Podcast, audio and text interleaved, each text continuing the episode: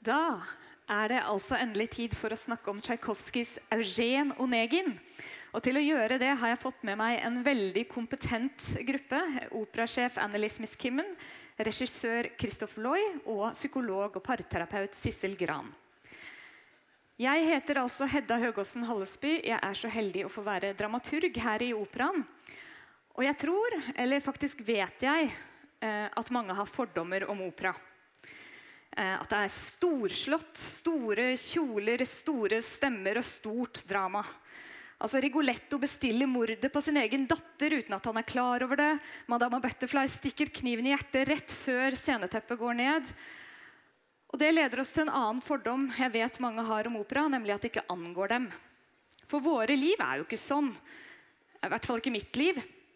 Jeg vet ikke med dere, men Mitt liv er stort sett uh, de der smulene på benken jeg tørker av hver dag, og, søp og søpla og skittentøyet som kommer og går, utrolig nok. Så går nå disse dagene, og så kommer det noen fester og helger og ferier innimellom der med forventninger, men også med ganske store skuffelser. Og til sammen så blir dette et slags liv. Et liv som er langt fra opera, men som likevel ikke er uten dramatikk. Og dramatikken den oppstår i møte mellom mennesker og i møte med oss selv. Og det er gjerne det siste, møtet med oss selv, som kan være det aller mest nådeløse. Og det er det denne operaen handler om, og det er derfor den angår oss. Det var også noe komponisten Tsjajkovskij erfarte. Dette var noe som angikk han. Det var nødvendig for han å skrive dette verket. Du vil ikke tro hvor glad jeg er for å bli kvitt etiopiske prinsesser, faraoer og forgiftninger og alle de konvensjonelle tingene. Til helvete med sceniske effekter.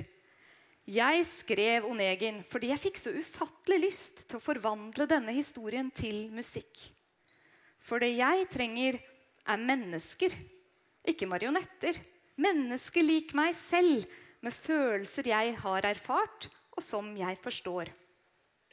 Det skrev komponisten bare noen måneder før dette verket hadde sin første premiere i 1879 ved det lille Mali-teatret i Moskva med konservatoriestudenter på scenen. Da var Tsjajkovskij et stort navn. Han hadde allerede skrevet fire operaer. Han hadde hatt premiere på Svanesjøen bare to år tidligere og jobbet på sin fjerde symfoni. og nå også dette verket. Men han var overbevist om at dette aldri kom til å slå an ved de store operahusene. Og ideen om å gjøre Eugen Onegin til opera kom fra en sangerinne som han var på lunsj hos. Og, ideen slo meg som latterlig, skrev han videre til broren sin i et annet brev. Han syntes nok det var litt breialt, litt sånn overmodig å gitt seg i kast med dette verket som hadde en så ikonisk status i russisk kultur.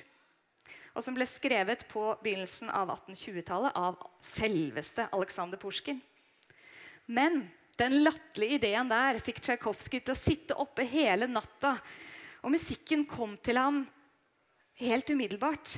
Febrilt skrev komponisten musikken med sitt hjerteblod, skrev han i et annet brev om seg selv i tredjeperson om denne natten.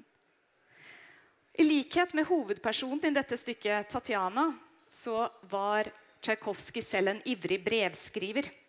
Og Det var scenen der hun skriver sitt kjærlighetsbrev han startet med. og Det er det som er selve hjertet, selve kjernen av dette verket.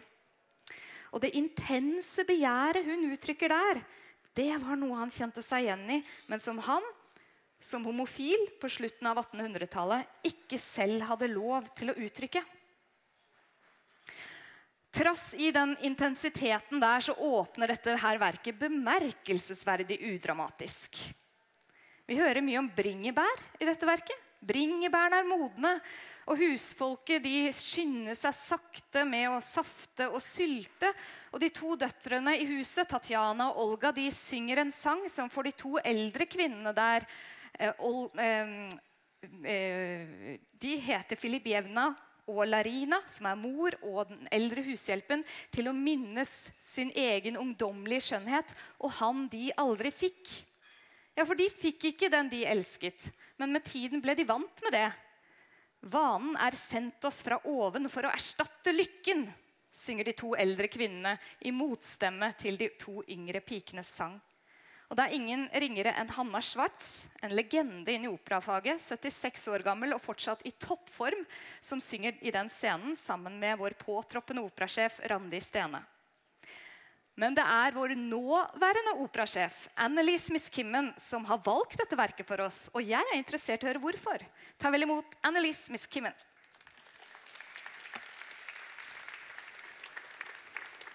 Hi, Hedda. Hi, Hi. everyone.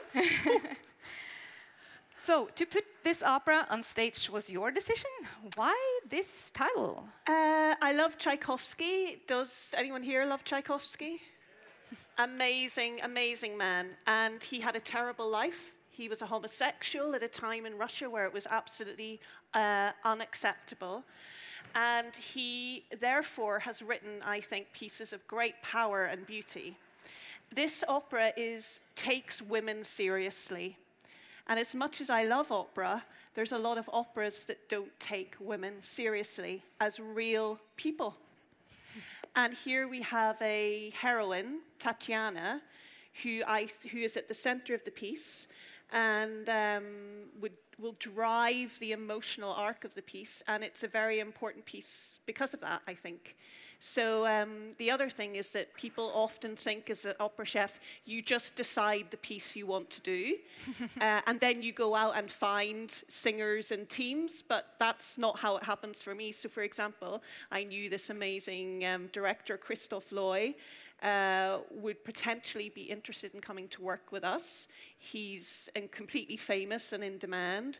But when he called me up and said, uh, uh, I'd love to come back. Is there anything you think I might be useful for for you to direct? I immediately thought of him and Eugene Onegin because Christoph loves working with singers, but also he treats the women in the stories as real flesh and blood, complicated people. So, and we had this amazing, um, we have amazing Norwegian uh, talent in this, Audun who's playing Onegin. I, I think he's never been better in a role. Um, our wonderful Olga, played by Tone Kummervold, it's a beautiful part for her. And then I have these um, foreign singers as well, who I knew were very special. And I think this will be a landmark for you to see. Uh, our tenor, for example, he's very young. He's playing Lenski.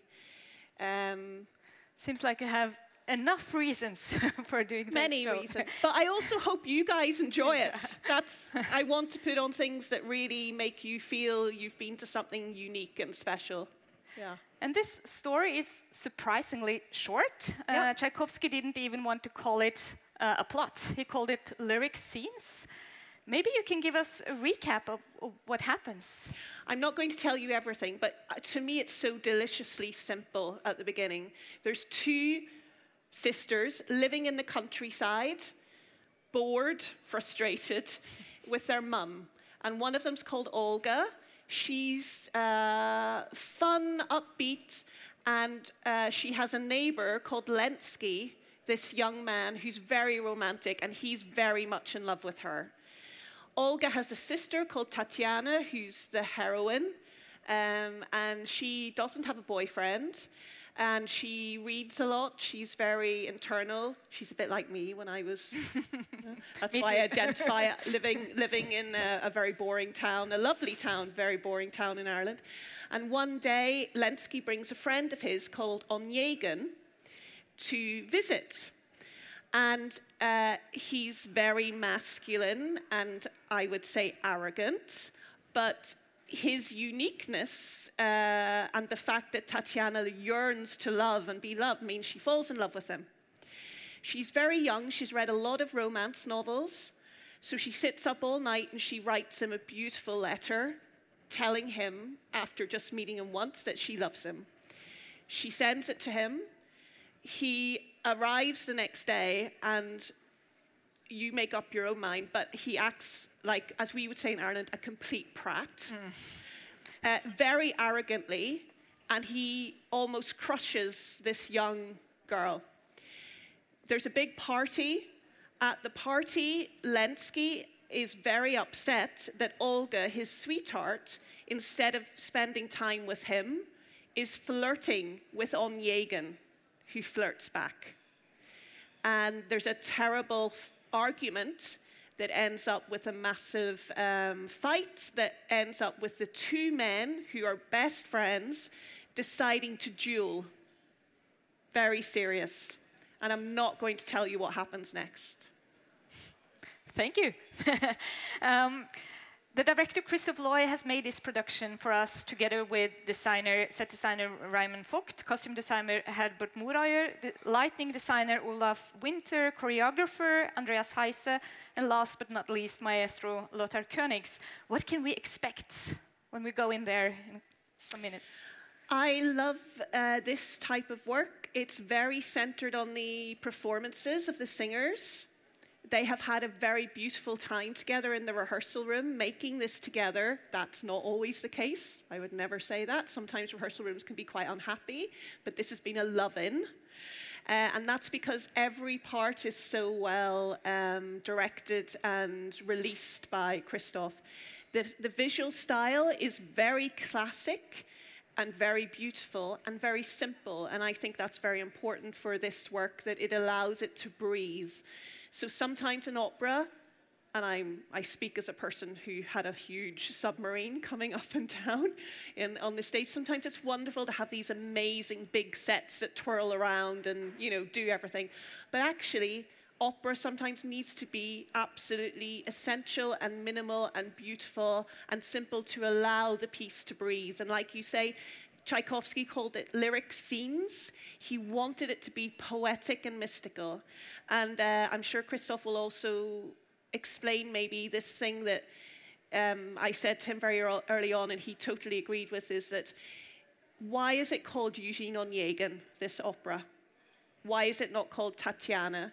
And he does something very interesting and original to the piece to explain that. So I'm excited that you get to experience that, especially if you know the opera already.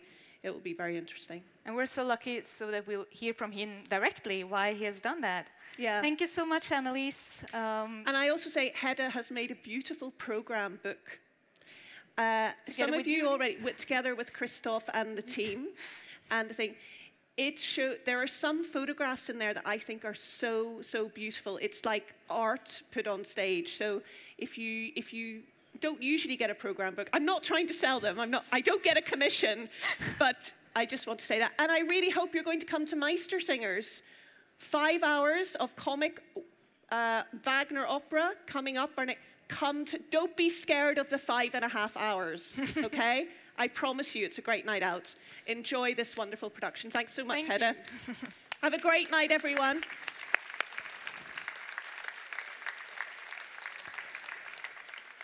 It's now my honor and pleasure to introduce you to director Christoph Loy. Uh, Loy works for the world's leading opera houses in repertoire spanning from Baroque to modern uh, modern repertoire.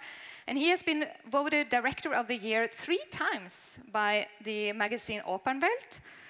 And in 2017, he was also named Director of the Year at the International Opera Awards. And that was the same year as he did uh, Wozzeck here in our house in a really strong production of Berg's uh, masterpiece. And now we're so glad to have him back. Please join me in welcoming Christoph Loy.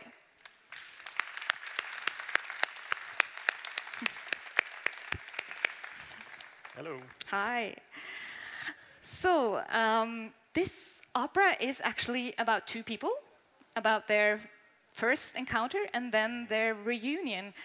Uh, maybe you can tell us a bit about these two persons, who they are, and how you see them.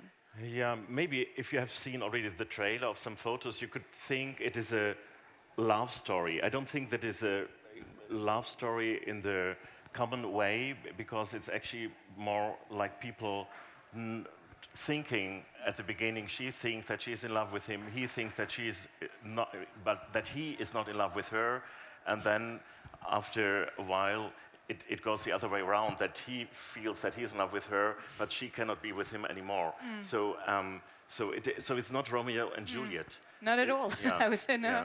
Yeah, yes, yeah. It, it, is, it is more um, I think it's, it's a lot about people looking for happiness. Mm. And, and that Onegin at the beginning, he's already someone who, who kind of gave up in finding happiness. So he has become this arrogant, um, but sarcastic. And because he's so sarcastic and he makes himself not lovable at all, you know, that makes him attractive. And, and this is, of course, you know, what, we, what we know. That's, that's, um, sometimes it happens, you know, that someone who is not lovable, you know, people, Yeah. you know, they, they, they get The know, bad guy in the class, you know, in why a are certain, in a certain way. Yeah. In a mm. certain way, it is like that. Yeah. And and with with Tatiana, she is of course the young at the beginning. She is she is still believing in in the in a romantic love, but um, but I think she finds out qu- quite fast that that she is on the wrong track with him. Mm. But I think the interesting thing is what we found out in the rehearsal uh, time that, that it's she is not naive, but it's more the horrible thing that you know I'm do I've I've it's a wrong decision that I took by still, you know, being in love with someone mm. who d- kind of doesn't deserve it. Mm. But sh- so it's it's horrible, you know, to be conscious about a wrong track of life that you have chosen. But do you think she's really in love with him just after a couple of hours, or if is she so? The- you know, romantically wired You in a sense. what is love? We don't know. Mm. You know, there are so, so many different ways. You know, you can be passionate, you can be just, you know, sexually attracted, you mm. can really be, you know, as a good friend, you can be sometimes be more in love than, you know, in what we call, you know, a, a romantic love story. So, um, I don't know what she is. at the moment. Yeah, no, it's, it's, it's, it's, it's I don't She's at to- least inspired. yeah, no, I, I don't want to, to, to judge or to, Mm. to put you know people into, into boxes. I, I think this is the you know what, what happened to us in the Mm. wrestle as well that, that we, we we just felt you know in this moment it is this kind of Mm. You know attraction and the next time it is very much reflected Mm. what what, what um, you know a loving person is doing or not. Life is complicated. That's, yeah. yes, we know. Uh, But she at least gets this uh, big aria, this, or it's actually four romances put together in over 20 minutes. So it's it's a long scene where she gets to write this letter. You know, But- well, yeah, I, I think th- this is an essential scene, even chosen by Tchaikovsky to make it so long. Um, um, mentioned it. You know, he was um, homosexual in so in his time, even you know, to to f- to make a love declaration. You know, to f- especially for him, you know, to to a man who might not at all be interested in him, or if he is interested, then even does the other one has the courage to respond you know so so this um, let, let's say it's this piece is about is, is about people as well who usually are um, having an armor like we, we all have our armor in society anyway you know when we come here together there's armor but but it's it's um, it's a question you know how um, how much do we dare to open up and, and this girl, by writing this letter, it's, it's an extreme way of you know, you know, getting rid of an armor and, and to be very brave in the end. Absolutely. Yeah. And he, he could, of course, identify wi- with this struggle. You know, should I now write what I Yeah. feel? Should, should he really know everything what I have inside myself? She's brutally naked in a sense when she uh, gives him everything Yes. and doesn't know what he'll respond in return. Mm. But on the other hand, uh, Onegin, he doesn't really get an own aria. And, and Tchaikovsky wasn't that fond of him. Uh, he didn't like uh, Onegin at all. Do you want us to, to, to No, sympathize th- with there- him in a way? there- there's something of you know, as I describe him myself, you know, that at the at the beginning he's not very lovable, and I think he even doesn't know who he really is himself. So he likes to. He's a little bit like a chameleon. He likes. So it's it's when we see him on stage, we. Actually, I, th- I think it will be interesting. You know, some of you will find him disgusting at the beginning, and so, some of you will even find it quite, you know, Charming. charming. Yeah. Yes, yeah. But um, so, so you have to find your own opinion about him. But the more you know, he is um, kind of realizing that his behavior that, that is a little bit like a Don Giovanni. You know, he, he doesn't he doesn't want to think you know, in long terms, you know, mm. just for the moment, to have fun in the moment. Mm. You know, and, but then he realizes during the piece that, that he has to pay the bill at the mm. end. And, this, and so that there are victims, you know, that, that he has to be aware of that it is his fault. So, and this, and then I think even Tchaikovsky's interest changes in, in, the, in the character. And, and in a certain way, we can say that he becomes the, the victim of you know, everything he, he did in his life at, at the end of the piece. And, and I, I decided in, in our you know, production here that at, at the beginning, we, like Tchaikovsky, we go a lot with Tatiana, with, with her life, but then um, um, actually from the moment on when life becomes a serious business and becomes a, a question of life and death, and this is the duel scene, from that moment on, I, I turn completely the, the, the, even the aesthetics of, of the production.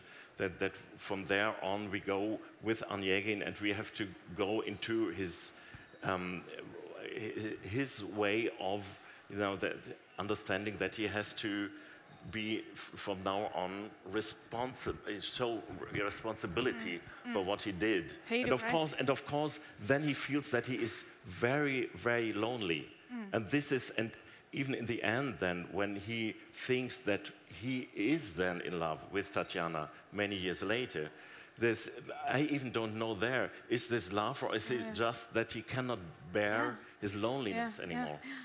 and she represents maybe everything she ha- he hasn't got in his life. Uh, you know, uh, that Gremin in this um, Gremin is the husband of Tatiana in the second part, and he is kind of the the opposite of everything that Onegin has, right? Because Yeah, I mean, he's, he's, he's a much calmer person and he is, um, he has a certain wisdom of life. So this, um, so he, he, Onegin seeing a, a person like this is, is nearly like, like, like a, mirror horror, you know, uh, situation for him. That- That he, he sees some, something that he never achieved in his life or that probably he will never achieve even. You call the two parts uh, because usually, or actually, this opera is uh, surprisingly symmetric. We have two couples, two, two women, two, two men, two ball scenes. We have two letters, but three acts. But you changed that and made it into two parts, and you call uh, the last part loneliness, as you described, but the first part uh, solitude. Yeah, the, the, I, the, the first part I call solitude because I think what Tatiana's way of even coping a lot with her own feelings for herself and not sharing too, too much with her family, with her sister, or with, with the mother, even with the nurse, you know, it's, there's always something she holds back.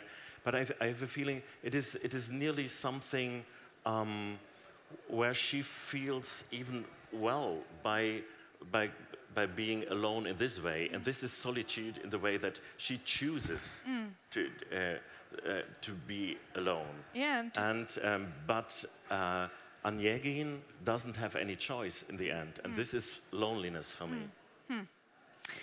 Tchaikovsky didn't believe that this opera should have any success in a, on a grand stage like this. Um, but already in 84, it, it had a big success at Bolshoi. Uh, how have you and your team worked to, to um, adapt this chamber piece to this Yeah. big No, hall in here? Now, when you look at the performance history of the piece, there, there's one tradition, and that, that it goes more direction grand opera, and that, that, that people even there, where it is just you know ab- about uh, kind of rustic life in a little village, th- they you know, the, the, the, the, and then later in the ball in St. Petersburg, they, they blow the, the piece up in, in a way that, that Tchaikovsky didn't have in his mind because, he, as, as we heard, he wanted to, that it is performed either by students or even he thought sometimes maybe just in concert version. Mm. He, s- he said, you know. So, so, so then other directors, and there was a very famous director at the beginning of the 20th century, Stanislavski. He, he, he created a whole you know, um, um, school of acting style for actors and for opera singers. And, and he um, brought the piece back to a more chamber piece-like scale. And, and many directors then as well, they followed him here and there. And then other directors, again, they wanted to have more, you know, the, the grand boutique, you know, but, but I definitely decided to go for, you know, this chamber piece that, that, that when you, that you feel nearly by watching this production that you are following a movie and that you can really go into the characters and, and, to, and to focus on, on their feelings. And he also often used uh, dance and ballet in his, uh, his operas. Um, and you have also worked closely with Andreas Heise and with the dancers. Um, they're part of this household that we meet. Uh, what is going on there in this Yeah, household? no, I, I, I like that. Obviously, Tchaikovsky liked, you know, by writing, you know, dance music in, in this piece, you know, to to experiment with, you know, this extreme psychological uh, moments for for the singing actors, but to have it contrasted by dance scenes as well. And and I tried to to. Um, to unite, you know, the, these elements by g- going closer to dance theater. Actually, the, the best is that, that at a certain moment you don't know who is a singer, who is a dancer. And, um, and th- there, there will be scenes when you think, you know, oh, now that this, you know, person will start to sing, but uh, they will never sing. And, and other, other singers that, that we have in the cast, like our Tatiana, she, she moves and acts like a ballet dancer.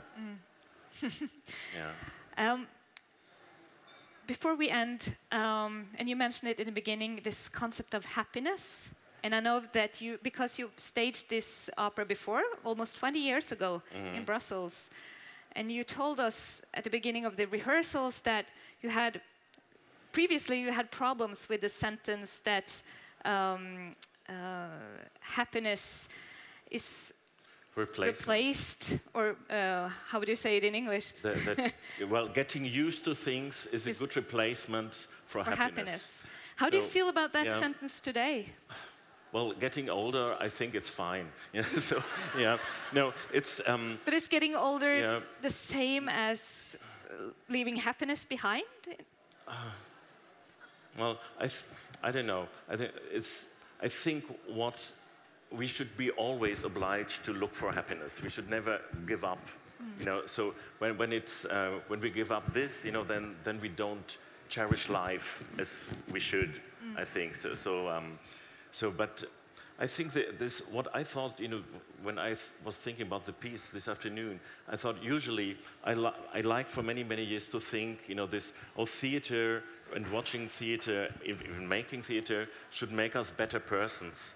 I think this, this piece is much more humble. It, is, it describes even people who are not perfect, who are not good persons like Onegin, but, but in this case, theater and opera can make us understand people better.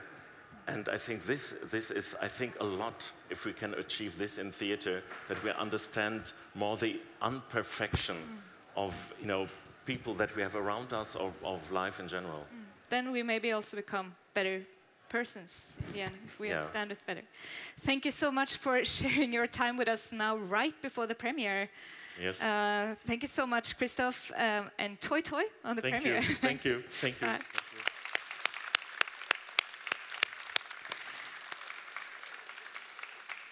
Da skal jeg ønske velkommen til neste og siste gjest. Det er psykolog og parterapeut Sissel Gran, som er en spesialist både på forelskelse og tiltrekning, kjærlighet og samliv, men også på modning og det å bli eldre, som vi kom inn på her mot slutten, som hun har skrevet mye fint om i det siste. Det er jo temaer som også Onegin eh, tar opp. Og du, Sissel, skriver i programbladet vårt jeg hører om Onegin overalt. Om disse kvinner og menn som beveger seg oljeglatt fra Tinder-møte til Tinder-møte. Ja. Hva mener du med det? ja, hva mener jeg med det? Altså, eh, vi fikk litt reklame for eh, det flotte programmet eh, før i dag, og dere må få det, skaffe dere dette, for her er det et lite essay om eh, kjærlighet i utakt. Så dere er klar over det. Ja. Nei, hva mener jeg med det? Du vet, Jeg har jobbet med så mange par. Altså, dette er jo to unge mennesker altså i dette stykket. Vi tenker kanskje at disse to, Tatjana og uh, Eugene Onegin, er eldre. Men de, de er jo veldig unge. Veldig unge. Ja. Og veldig mange unge i dag leter jo fortvilet egentlig etter kjærligheten. Men de står i en sånn spagat, syns jeg veldig mange av dem. Og den spagaten er sånn at de på den ene siden ønsker seg en kjæreste. Og de ønsker seg kjærlighet. Men på den andre siden er de veldig redde for å gi opp friheten sin. Altså at de er nokså vegrende når det gjelder å knytte seg til en annen. Fordi det er forpliktende, og da må du gi noe opp. ikke sant? Det er noen ofre på kjærlighetens alter. Så står de der i det spennet. Og så forsøker de da stadig vekk å treffe en ny gjennom f.eks. å være på Tinder eller på Happen eller på sånne sjekkeapper som mange er på i dag. Og så treffer de den ene kanskje etter den andre på en eller annen kafé eller på kaffebrenneri eller sånn. Og så, så er de så kritiske. Altså De er så onegenske på mange måter av seg. Altså at De er så vurderende. De er så litt selvforsynte. Eh, I betydningen uh, 'jeg greier meg fint alene', egentlig. Og så sier de jo også det til hverandre. Altså De sier jo 'jeg har det kjempefint som singel', 'jeg har et kjempebra liv' og signalisere på en måte at de trenger ikke den andre personen som sitter der. Så det, det er det jeg mener med oljeglatte møter. Og det som er vanskelig da, det er hvis det er en Tatjana som møter en sånn Onegen-type, som legger hjertet på bordet, og som eh, klargjør sine intensjoner, og som sier 'jeg vil veldig gjerne ha en kjæreste', 'jeg er egentlig ute etter et seriøst forhold', det kan en Onegen komme til å tenke er altfor mye. Ja. Altså invaderende komplisert. Og hun kan oppleve hans tilbaketrukkenhet som skremmende. Mens de kanskje egentlig kunne Det kunne kanskje være noe der. Men det som skjer, da, vet du, det er at de går fra hverandre og sier ja, 'ha det bra', da. Det, Og så blir det aldri lykke til noe. videre. Det er hyggelig å møte deg. Ja, for første, første gang jeg snakket med deg, så, så fortalte jeg denne historien, og så sa du det der er helt vanlig. Det skjer Ja. med en tredjedel av norske menn det i dag. Ja. Så, så um, er det noe som For denne her, det overfladige mennesket eh, blir onegene kalt på 1800-tallet. Ja. Det var en Ja. tendens. Det, vi hører om romaner som beskriver over 150 sider en ung mann som vurderer om han skal gå ut av senga. Han bare kjeder seg sånn og tar Mm. Ja. ikke stilling til noe. Så det har jo tydeligvis vært en kulturell tendens før. Men er det, ser vi mer av det i dag enn vi gjorde for 10-20 år siden? Nei, jeg tror ikke vi ser den Nei, vi ser, jeg syns ikke vi ser den følelsen av lede. Altså, Nei. Onegin lider jo av splin, Mm. sier Pushkin i sin roman, som jo danner utgangspunkt for operaen. Mm. Og splin altså det betyr jo lede, livslede. Ja. Altså, for han har ingen mening i sitt liv. Han har ikke noe altså Som konsulentene ville kalt for purpose. Ja. ja. Han har ikke noe Han har ikke noe drive, egentlig. Han har ikke noe å gjøre. Og det er nok ikke helt riktig for eh, de fleste mennesker i dag. De har jo, de har jo eh, noe å gjøre. Altså, de vasser ikke bare fra fest til fest og drikker champagne og, og kjeder Nei. seg og er kyniske menneskeforbrukere. De færreste, i hvert fall. De færreste. Men vi ser jo denne altså Det som er spesielt med sånne onegener som, Det er kvinner som også er sånn. Det er jo den Hvorfor er de så attraktive? Og det var jo regissøren inne på. Ja. Ikke sant? Uh, hvorfor kan mennesker som, øh, som han, eller en kvinne som, øh, som en sånn onegen-type, være attraktive? Jo, de er attraktive pga. sin uoppnåelighet. Ja. Fordi vi pirres av hindring. Ja, Så det er veldig mange kvinner særlig liker jo ikke snille gutter og snille menn. ikke sant? Det er jo fortvilende. De må jo ha hatt det vanskelig eller vært brent mange ganger før de skjønner at eh, Ok, altså Som Ja. ektemannen til Tatjana, da, som Ja. hun til slutt får. Ja, en. Jeg vil egentlig ha en snill mann. ja. Ja. Så det er det, de uoppnåelige og de litt uforutsigbare. Og de litt, altså som er litt skremmende, kanskje litt farlige. Og det er jo en egen. Ja. De får veldig mye oppmerksomhet. Ja, ikke rart? Ja, nei, det er ikke rart, for det, det er jo det som også regissøren sa. Menneskelivet altså det er komplisert. Vi vi, altså fordi ofte så styres vi av ting i underetasjen, vet du. Ikke herfra. Ikke fra prefrontal cortex, men liksom herfra og herfra. Og da blir det vanskelig. Og fra underbevissthet. Et eller annet som får Ja. den her intense ungdomsforelskelsen som de jo erfarer, og som særlig hun erfarer, da, som setter seg så enormt dypt i henne at hun Tatjana eh, hun har det vanskelig når hun møter han igjen, for han, han vekker jo en enormt mye følelse i henne. Og nå, nå skal jeg si noe hemmelig. Ja. Og jeg tror ikke jeg har sagt det til mannen min som står der borte, før, men av og til så Han jeg var forelska i da jeg var 14 år, av og til drømmer jeg om han om natta fortsatt. ja. Men det er fordi underbevisstheten din bestemmer. Altså Den regissøren her bestemmer over deg. Ja. Derfor kan du drømme veldig Men skumle er, drømmer om hvorfor, natten. skjer, Ja. hvorfor, skjer, hvorfor blir de der ungdomsforelskelsene så um, Hvorfor setter de sånne spor i oss? Ja, du vet at Hvis vi bare litt grann om Tatjana, hva slags tilstand hun er i når hun treffer han først, Det er jo det at hun er i det vi kaller en førforelsket tilstand. Og hva er det? Jo, hun er jo en romantiker òg. Men hun er litt, en litt urolig sjel. En litt sånn eh, som holder seg for seg selv. Men hun leter etter altså hun, hun leter på en måte etter redning. Og kjærlighet kan jo oppleves som redning. Ta meg bort herfra, fra dette litt meningsløse livet som jeg lever. Ja. Så hun er, hvis du er i en førforelsket tilstand, så er du ganske kjærlighetsmør. Ja. Ja. Så det er ikke sikkert at det er kjærlighet hun opplever når hun treffer han. Og han det er representerer- mer, begjær, ikke sant? Ja, og han representerer jo også byen, og hun sitter der på land sitter og på kjeder land og kjeder seg, ikke sant? Og det er ingen der. Og så kommer denne litt eldre altså Han er eldre enn henne. Han er mørk, han er hemmelighetsfull, han er litt farlig. Men han er en perfekt sånn match med hennes et sånt slags indre bilde, et templat, som vi kaller det, som hun kanskje har. Og hun tenker jo, og hun sier jo, og hun skriver det til han det er deg jeg har ventet på. Jeg visste med en gang jeg så deg, at det var deg. ikke sant? Ja. Det er jo ikke kjærlighet. Det er noe som vokser frem over tid. Ja. Det tar et år Ja. eller noe sånt. Noe, Ja. Tilknytning, omsorg, omtanke. Som liksom er pilaren i kjærligheten. Det er begjær. ikke sant? Lidenskapelig begjær, en slags forelskelse. Og det er klart at det forplanter seg. Det setter seg i henne for alltid. Det er derfor du drømmer om ungdomskjæresten. ikke sant? Han var ikke noe kjæreste. Nei, nei, han var ikke kjæreste. Han Han var, var ikke veldig, han var en uoppnåelig bad guy. ja, riktig. Ja, ja, nettopp. Men du vet at det er noe med den første du virkelig blir veldig opptatt av i ditt liv, får et sånn slags eget plass ikke, ikke sant, i oss. Det er derfor jeg pleier å si til par at hvis du hvis ekteskapet er nede i dumpa, eh, så må du binde deg til masta. Ja. Så, og ikke gå på skolejubileumsfesten, for da treffer du igjen gamle kjæresten. Ikke sant? Som er skilt og ledig, og som sier til deg 'Å, Guri, du er jo akkurat den samme jenta'. Så ikke vi tar en kaffe. Og da begynner det å rulle. ikke sant? Så, begynner, og, så man må holde seg hjemme. Så man må si til mannen sin da 'Vi har det litt kjipt nå, det er litt dårlig, og jeg skulle egentlig vært på skolejubileumsfesten', men der vet jeg at han Bjarne kommer til å være, og han er skilt nå. og da må, da Riktig svar fra mannen bør da være da skal du ikke gå på skolejubileumsfesten. Da skal du gå i operaen med meg. ja. Eller i operaen så får man jo eh, lære eh, mye om kjærlighet. Så hvis Ja. de kommer hit, så kan hun enten da gå og se Carmen, hvor Carmen sier jo at kjærligheten er en rebelsk fugl ingen kan temme. Eller så kan man gå og se Eugen Onegin, der Tatjana faktisk lar seg Som du sier, binder seg til Madsen. Temmer den kjærligheten. Ja.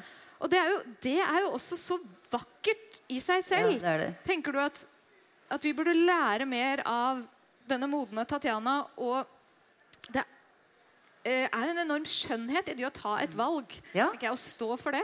Jeg tror, men husk på det. Det er det mange som gjør. Ja. Det er veldig mange som binder seg til masten. Altså. Mange av de som sitter her, har bundet seg til masten mange ganger. ikke sant? Ja, det er, Og de som ja. står ved den masten gjennom Ja. 50 år. ja, det, jeg kjenner mange som har gjort det. Ja. Og de sier at det har jo ikke bare vært en fest. Men, eh, men når det har vært der nede, så vet jo de som har Ja. erfaring med at det har vært der nede noen ganger, at båten bærer liksom oppover igjen. Mm. Svært ofte. Ja. Så det er, men du vet, når disse treffer hverandre igjen, uten at vi skal liksom røpe alt da, Eller det er jo røpet, alt er jo røpet. Mm. Så hun skjønner jo at det ville ikke gått bra den gangen. Nei. Og han skjønner jo den gangen, altså da de møttes første gang, så skjønner jo han at han ikke ville greid å ta vare på henne. Så, han, så det er jo riktig, det han gjør. Det er jo en nådefull handling faktisk når han avviser henne og sier For han er ganske nobel. Ja. Han er ikke veldig slem i svaret. Han sier jeg, 'jeg kan elske deg som en bror'. Jeg Ja, syns altså, nesten det er verre enn å bare ja, jo, men si det, han, det han gjør, det er at han tar litt kverken på hennes voldsomme følelse, fordi han skjønner, han kjenner seg selv såpass godt at han vet at han ikke vil være bra for henne. Ja. Så det er, det er nådefullt, og det er egentlig bra. Men når han ser henne igjen, vet du hvorfor han blir så begeistret da? Skal jeg fortelle deg det? Ja, gjør det. Ja, For det står det ikke i Pushkins verseroman heller. altså. Det som skjer da, det er at han ser igjen denne kvinnen som nå har blitt opphøyd, eh, eldre, respektert, har fått en tittel. Og alle beundrer henne. Mange begjærer henne, helt sikkert. Hun virker rolig, fantastisk. Det er ikke bare det at hun på en måte viser han hvor ensom han er. Han får et begjær for henne fordi hun er blitt et begjærsobjekt for veldig mange andre. ikke sant? For vi begjærer jo det andre begjærer. Så det er jo veldig enkelt, egentlig. Ja. Og den store tragedien her er jo ikke duellen, som jo Annelise ikke avslørte hvordan ender. Men det er jo den mannen som ligger der alene på scenen til slutt og angrer bittert på måten han levde livet sitt på. ja. Eh, og du har jo også skrevet mye fint om det å se tilbake på livet sitt. ja. Hvordan skal vi unngå å ende som han? Ja, for det han gjør, det er jo, og det er det verste vi kan gjøre, det er på en måte å lukke hele livsfortellingen vår for tidlig. Det gjør jo han. Han er jo ung. Han er jo, Hvor gammel er han der? Han er noen og 30, kanskje? Ja, ja. De, Ja, det, det folk ikke har gjort her, det er jo å lukke livsfortellingen. Ellers så hadde de jo ikke kommet til operaen. For de kommer jo hit for å oppleve noe, for å oppdage noe nytt, for å lære. ikke sant? Sånn at de har jo den livsfortellingen sin oppe fullstendig. Mens hans er lukket. ikke sant? Og det er den største feilen vi kan gjøre. Så vi kan jo jeg tenker Vi kan bli gamle og ganske lykkelige selv om vi er aldri så skrøpelige og sjabre. og etter hvert, For alle får plager etter hvert når vi blir eldre. ikke sant? Ja, det gjør vi. Så hvis vi allikevel klarer å holde Ikke lukke livsfortellingen vår, så kan vi få et godt liv til siste slutt, rett og slett. Ved å tenke på at jeg, det er alltid mer å oppleve, det er alltid mer å oppdage, det er alltid noe å lære. Det syns jeg var et veldig fint sted å slutte, for vi skal snart oppleve nye ting inne på hovedscenen. Og forhåpentlig bli litt klokere når vi går herfra i kveld. Jeg skal bare avslutte med å si en ting, og det er at um, i det siste så har vi spilt Rigoletto og Madame Butterfly, som jeg sa innledningsvis. Og jeg syns det er flotte operaer, men de kvinnene vi møter der, virker noen ganger litt overivrige i å gi seg over til kjærligheten og til ganske macho menn. Tatjana smaker da som frisk sitron etter litt for mye sjokolade med sin sensibilitet og sin intelligens. Og Eugen Onegin er med det en veldig annerledes opera. For når sceneteppet går ned i kveld, så er det ingen kvinne som ligger der i en blodpøl, som det ofte er. Hun har faktisk gått hjem. Og tilbake ligger en ulykkelig mann. Og i motsetning til Ibsens Nora, som forresten hadde premiere samme år, et ukehjem altså, som Eugen Onegin, nemlig 1879, så er Tatjana en som ikke gjør opprør mot rammene, men som snarere hyller dem for den muligheten til å leve et lykkelig liv innenfor rammene og de tryggheten den, de skaper. Og hun er klar over den flammen som brenner i henne, men også at det livet hun har, ikke er verdt å ødelegge. Og det syns jeg gjør henne til en av de tøffeste damene i operahistorien. Eh, Det jeg trenger er mennesker, sa Tsjajkovskij. Og så skapte han en opera om oss mennesker på stadig jakt etter lykken. Eh, Og som Kristoff sa, så er det dette verket også sier oss at lykken den kan vi ikke fange, men vi kan stadig ville lykken. Og kanskje noe av det vakreste Eugen Onegin sier, er at vanen, hverdagen, syltetøyglassene og smulene på benken som dere kan banne på er der når dere kommer hjem i kveld, de trenger ikke å drepe kjærligheten, men de kan være rammene. Vi skaper den innenfor. Og Det syns jeg gjør dette til en fantastisk opera. Jeg håper også dere får dette til, dette til å bli en fantastisk kveld, noe vi skaper sammen. Hjertelig velkommen tilbake til Norsk Operaballett. Takk til mine gjester, og takk for oss. Det var fint.